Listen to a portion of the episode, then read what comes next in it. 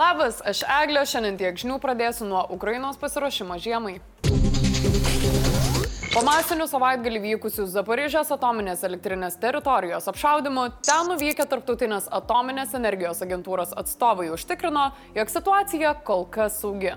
Pat okupantai pažeidė pusę Ukrainos energetinės infrastruktūros. Šalis ruošiasi sunkiausiai žiemai istorijoje.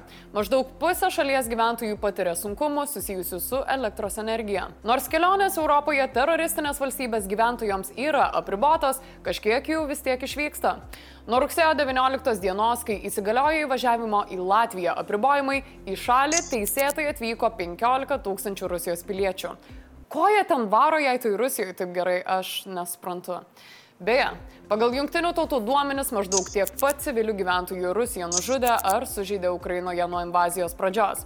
Aišku, tas skaičius yra žymiai didesnis, prisiminus, kaip Rusija gelbėjo Mariupolį.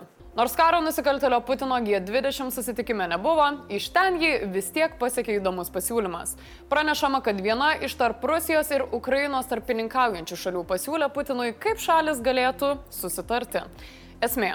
Okupuotos ir jau aneksuotos Ukrainos teritorijos turi būti gražintos, atmetus Krymą.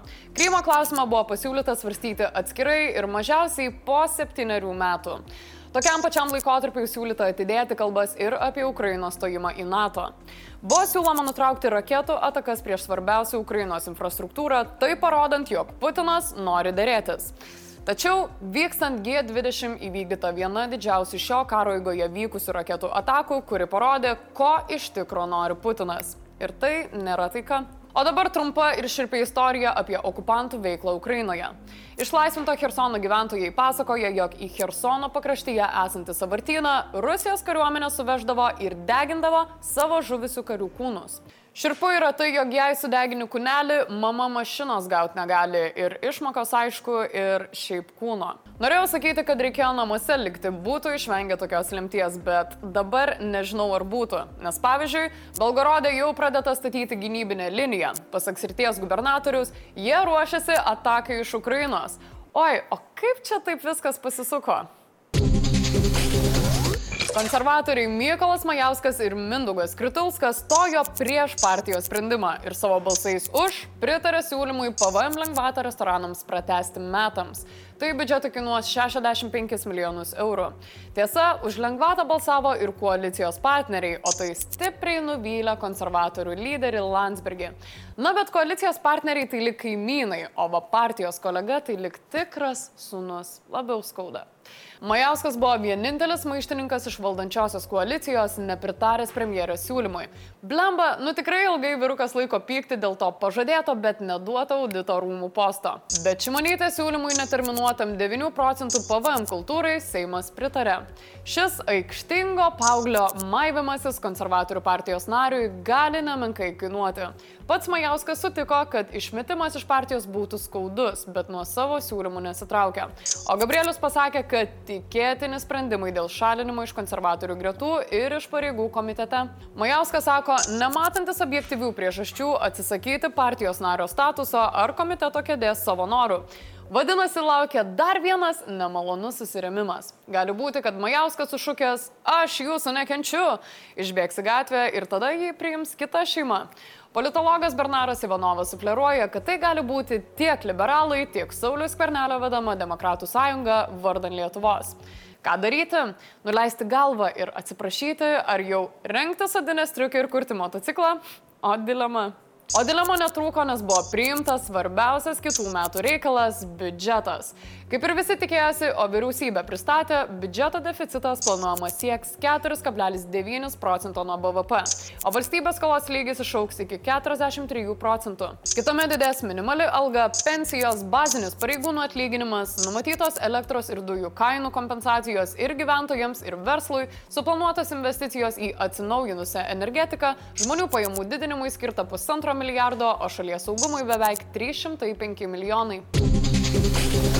Opozicijos klausimų sulaukęs užsienio reikalų ministras Gabrielius Landsbergis stojo prieš Seimo narius.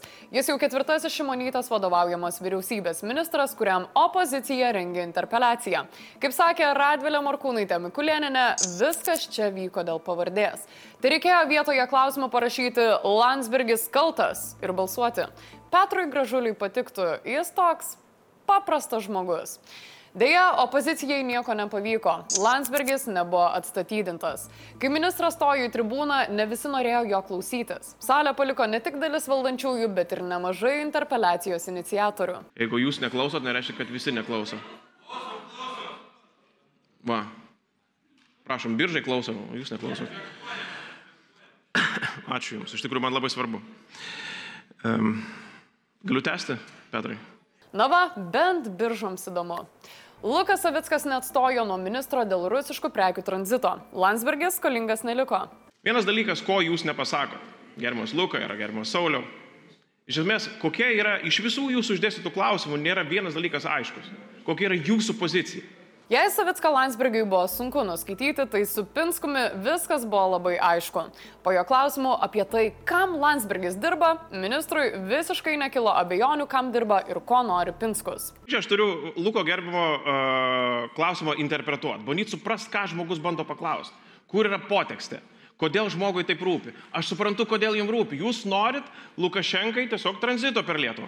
Ačiū už tai, jūs Suprantate, tose, kuriuose dabar pusėse esam. Greitų išvadų prisidarė ministras. Landsbergis taip pat išsigynė kritikos dėl sugadintų santykių su Kinija. Panašu, kad kol opozicija mato pustuštę kinišką stiklinę, ministras mato beveik pilną ir pagamintą Taivane. Pasak jo, santykiai sugedo Kinijos iniciatyva. Be to iš to laimėjo Lietuva, radusi naujų partnerių. Šimonytė stojo į tribūną ginti ministro. Jis sumenkino opozicijos pastangas ir tuščius klausimus. Interpeliacijoje yra 45 klausimai ir nei vieno apie politiką. Junginio užsienio politika nėra nei viename klausime. Kaip sakė premjerė, interpeliacijoje nėra nieko gero, bet yra daug gandų lygio, daug spekuliavimo faktais, daug bandymų kurti šešėlius dėl paskirimų, Daug žongliravimo pavardėmis. Kaip ir Gabrielius, taip ir Ingrida kartojo, kad interpeliacija kažkaip neišduoda, koks yra opozicijos požiūris. Tai yra kokioje ir kieno jie pusėje. O kokioje jūs pusėje? Viskas oksito mūsų užsienio politika ar ne? Ką darytumėte kitaip? Pirmieji komentarus parašyti nuomonės, mėly Sofos ministrai. Plus, kad jau eisite komentarus, pakeliui palikit laiką. Vyksta iki teisminis tyrimas dėl įtariamos korupcijos valstybinėje maisto ir veterinarijos tarnyboje.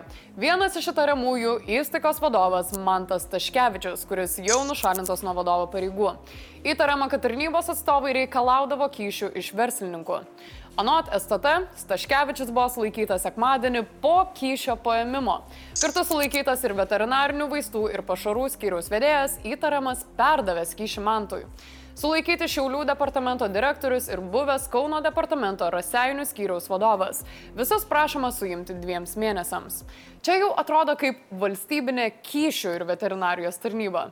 Kai kurių kyšių sumos siekia daugiau nei 12,5 tūkstančio eurų, kai kurie dar didesni. Generalinės prokuratūros organizuotų nusikaltimo ir korupcijos tyrimo departamento vyriausiasis prokuroras Artūras Urbelis situaciją stebėjosi.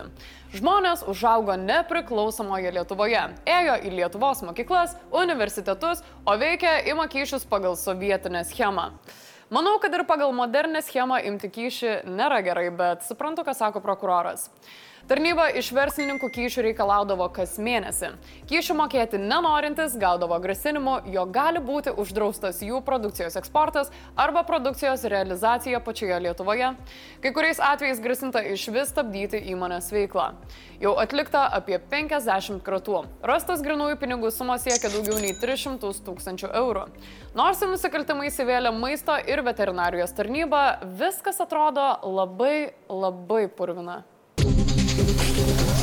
Blitz naujienos. Junktinių tautų žmogaus teisų komitetas paliko laikinoje apsaugą sostinės Antakalnio kapinėse esančiams sovietiniams karių skulptūroms ir taip kol kas neleidžia sostinės valdžiai jų nukelti. Vis dėlto ši vis vien rengiasi imtis darbų dar šią savaitę.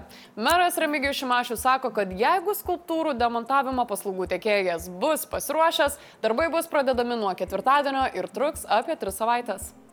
Opozicija mato interesų konfliktą, kai su energetikos ministru Dainiumi Kreiviu susijusi įmonė turi valstybės valdomos Ignitis grupės akcijų. Tačiau ministras to nedeklaravo.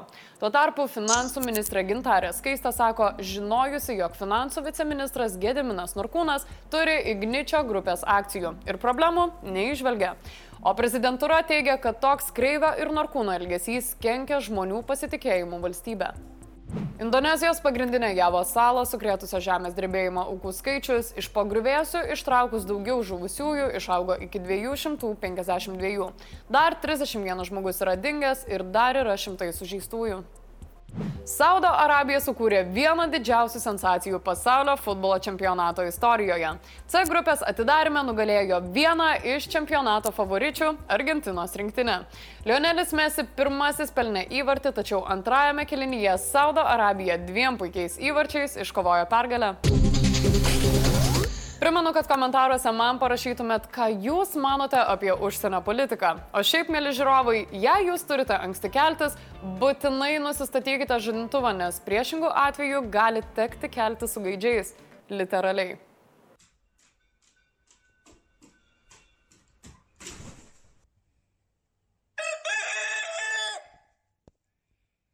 Komentarų metas. Vakar komentatorius klausė, kaip tokį gerą žmogų kaip aš įdarbino tokioje propagandos mašinoje kaip Laisvės TV. Labai paprastai, darbo pokalbio metu išvardinti savo top 5 samokslo teorijas, nepasiskiepyti ir pabučiuoti tapino iluminatį žiedą. Ačiū, kad domitės. Taip pat sulaukėm daug komentarų apie eglės, Aš pasimečiau, kurie skirti man, o kurie kalėdiniams medžiams. Tikiuosi, kad tas apie šakas tai ne apie mane. Kaip ir apie nupašimą. Ar galite šiek tiek konkrečiau rašyti? O šiaip šiandien tiek žinių pasimatysim kitą savaitę. Čiau!